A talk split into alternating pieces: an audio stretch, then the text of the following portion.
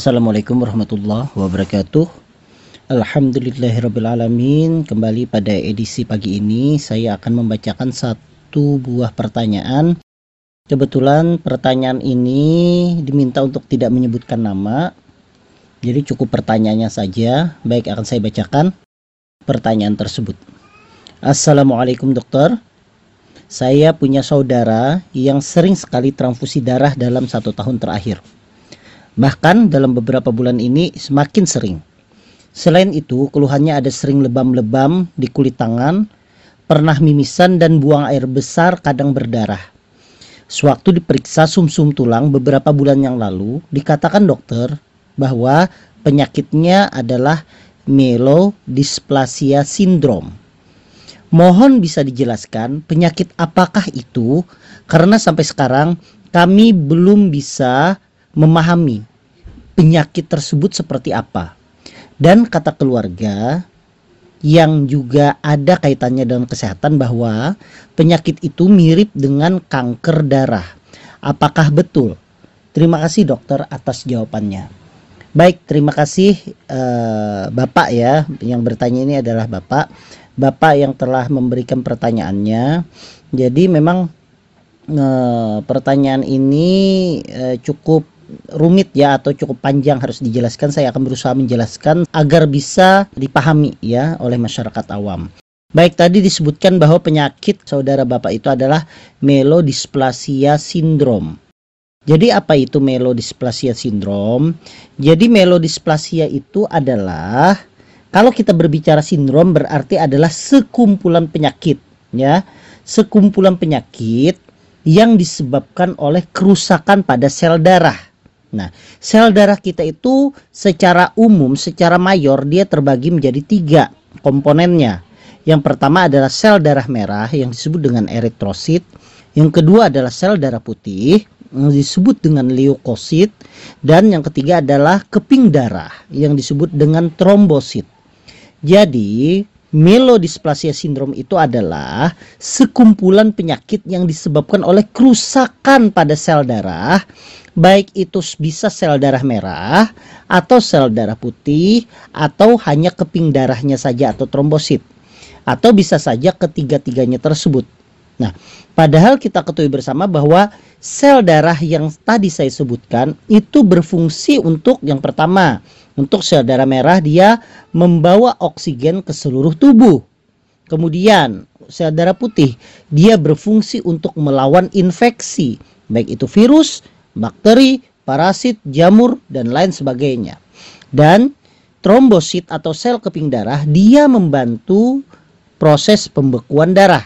Nah, ketika ada salah satu dari sel darah itu terganggu, maka dia akan menyebabkan terganggunya komponen-komponen dari fungsi tersebut. Sebagai contoh, ketika melodisplasia sindrom ini menyebabkan terganggunya sel darah merah, maka dia menyebabkan pasien tersebut menjadi anemia. HB-nya menjadi turun sehingga orang tersebut menjadi pucat dan cepat lelah. Kalau seandainya yang terganggu itu dari melodisplasia sindrom itu adalah sel darah putih yaitu leukosit sehingga leukositnya itu tidak bagus dalam kerjanya maka dia menyebabkan orang tersebut cepat terinfeksi saat rentan terjadinya infeksi. Kemudian kalau seandainya yang terganggu itu adalah trombosit atau keping darah yang fungsinya adalah proses pembekuan darah maka yang terjadi adalah orang tersebut akan rentan terhadap terjadinya perdarahan. Misalnya tadi yang Bapak contohkan misalnya ada mimisan atau ada kulit yang lebam atau ada BAB yang berdarah. Nah, itu bisa saja karena trombosit yang terganggu. Nah, pada penderita sindrom mielodisplasia ini, sumsum -sum tulang yang memproduksi sel-sel darah itu tidak normal produksinya atau abnormal.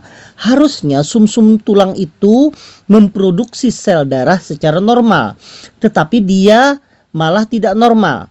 Sel-sel abnormal ini tidak berkembang sepenuhnya, tidak berkembang dengan baik, sehingga dia akan cepat mati ketika masih berada di dalam sumsum -sum tulang atau sesaat setelah dia diproduksi dan memasuki aliran darah. Sehingga orang dengan sindrom displasia atau melodisplasia sindrom tersebut itu kadang HB-nya turun, trombositnya turun, leukositnya turun. Itulah karena adanya sel yang abnormal tersebut. Nah, sindrom melodisplasia ini memang belum bisa dikatakan bahwa itu masuk ke dalam keadaan kanker darah ya. Karena kalau kita berbicara kanker, maka dia akan didominasi oleh sel-sel muda, sel-sel ganas yang mana dia menekan sel-sel normal. Sedangkan di displasia sindrom ini, dia penekanan terhadap sel normal itu tidak terjadi. Tapi kenapa dia bermasalah? Karena jumlah sel yang abnormal itu makin lama itu akan makin banyak karena sumsum -sum tulang yang memproduksinya itu tidak baik lagi dan itu melebihi dari jumlah sel darah yang sehat atau yang matang. Hal ini menyebabkan terjadinya gangguan. Nah, berbeda dengan kanker. Kalau kanker darah, dia menekan sel-sel normal sehingga dia cenderung lebih ganas dan menyebabkan kematian pada kanker darah. Nah, jadi tadi saya bilang bahwa melodisplasia sindrom atau sindrom melodisplasia ini itu bisa terganggu hanya satu saja Misalnya hanya terganggu sel darah merah saja atau sel darah putih saja atau keping darah saja. Sehingga disebut dengan tipenya itu adalah line H dysplasia. Jadi hanya satu. Ada juga yang terganggu itu dua atau bahkan ketiga selnya. Maka dia disebut dengan melodisplasia tipenya adalah multi-line H dysplasia. Artinya dia banyak yang terganggu tidak hanya satu. Nah, ada lagi dia itu melodisplasianya itu disertai terbentuknya sel-sel muda sel-sel muda yang akhirnya akan menyebabkan kerusakan atau menekan sel-sel normal. Sel muda itu disebut dengan blast. Nah, blast inilah atau sel-sel muda inilah yang nantinya kalau dibiarkan dia akan berkembang menjadi kanker. Jadi kadang ada orang mengatakan bahwa melodisplasia sindrom itu adalah awal terjadinya kanker darah, tapi dia bukan disebut kanker darah. Nah, tipenya kalau melodisplasia itu adalah jenisnya itu adalah memproduksi sel baru, sel-sel baru yang tidak baik, namanya adalah excess blast. Nah, kemudian dia menekan sel-sel matang, maka itulah melodisplasia sindrom yang tipenya itu adalah tipe adiknya dari kanker darah yang nanti bisa berkembang menjadi kanker darah. Baik, banyak orang bertanya, kenapa melodisplasia itu bisa terjadi? Nah, terjadinya melodisplasia jelas yaitu ketika stem cell atau sel-sel punca di sumsum -sum tulang itu mengalami kerusakan. Jadi sumsum -sum tulang itu mengalami kerusakan dari stem selnya tersebut akibat dari kerusakan dari DNA atau genetik yang yang menghasilkan sel tersebut. Akibatnya apa? Sumsum -sum tulang tidak dapat memproduksi sel-sel darah yang sehat. Namun sampai sekarang belum diketahui faktor faktor atau kondisi pastinya kenapa seseorang itu terkena melodisplasia. Tetapi bisa saya jabarkan bahwa ada beberapa faktor risiko yang meningkatkan seseorang terkena melodisplasia sindrom. Yang pertama misalnya pada orang yang telah berusia lebih dari 65 tahun. Kenapa bisa terjadi? Karena mungkin saja terjadi dengan usia yang semakin tua maka produksi dari sumsum -sum tulang rentan terjadinya kerusakan. Kemudian yang kedua, pasien-pasien yang pernah menjalani kemoterapi ataupun radioterapi, terutama kemoterapi yang punya efek terhadap produksi dari sumsum -sum tulang. Itu rentan orang tersebut menjadi menderita melodisplasia sindrom. Kemudian yang ketiga adalah orang yang sering terpapar bahan kimia, misalnya seperti asap rokok, orang yang bekerja di kebun sering terkena pestisida atau mungkin orang-orang yang bekerja di pabrik kimia Nah, itu juga rentan bisa terjadinya melodisplasia sindrom. Dan orang yang pernah keracunan logam berat, misalnya pernah keracunan merkuri, ya, kemudian air raksa maksudnya atau keracunan timah itu juga sangat rentan terhadap terjadinya melodisplasia sindrom. Untuk gejala sudah saya sampaikan tadi untuk gejala sudah dijelaskan oleh Bapak tadi untuk gejalanya memang seperti itu.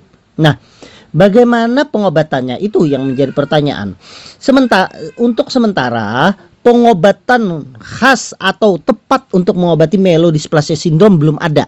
Ya, cuma sekarang itu adalah untuk menghambat perkembangan penyakit itu menjadi semakin parah meredakan gejala atau mencegah perdarahan dan infeksi.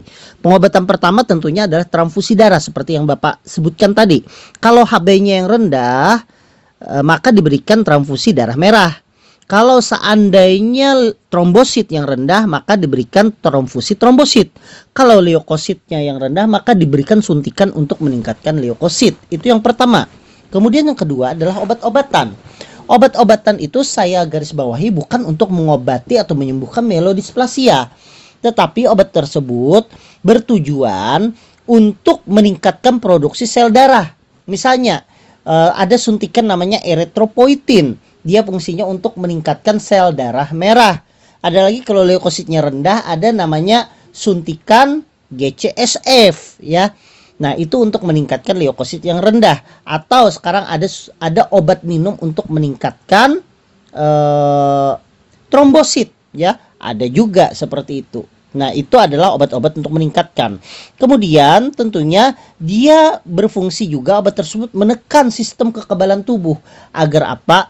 Agar diharapkan sel-sel abnormal yang diproduksi itu menjadi berkurang dan sel normal yang lebih banyak diproduksi.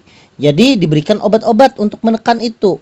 Nah, banyak obatnya itu. Misalnya salah satu contoh yang sekarang ini uh, sering diberikan itu bukan sering ya maksudnya yang terpilih untuk melodisplasia itu adalah namanya lenalidomid walaupun obat itu memang masih tidak banyak di Indonesia ataupun di Banjarmasin.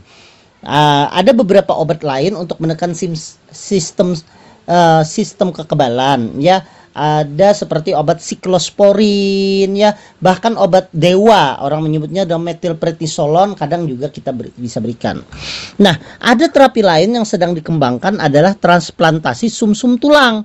Jadi ini mirip seperti pengobatan kanker ya. Kanker di mana tipe kankernya itu adalah akut leukemia di mana sumsum -sum tulang ini adalah dengan mengambil sumsum -sum tulang uh, orang lain yang sehat yang sudah cocok dengan yang renca yang yang sudah cocok dengan yang sakit ini kemudian diberikan kepada orang yang sakit ini tetapi sebelum diberikan maka sumsum -sum tulangnya itu terlebih dahulu harus dikosongkan Kenapa dikosongkan? Agar sumsum -sum tulang yang baru dimasukkan itulah yang nanti berfungsi yang sehat itu yang memproduksi sel normal. Bagaimana cara mengosongkannya? Dengan terlebih dahulu diberikan obat-obat kemoterapi dosis tinggi supaya produksi sumsum -sum tulangnya berhenti sehingga diberikan sumsum -sum tulang yang sudah diambil dari orang yang sehat tersebut. Nah, itu sebenarnya pengobatan yang paling sering. Kita berharap ditemukan pengobatan yang betul-betul definitif untuk melodisplasia sindrom dan ini masih menjadi penelitian. Tapi kalau sampai sekarang memang belum ada.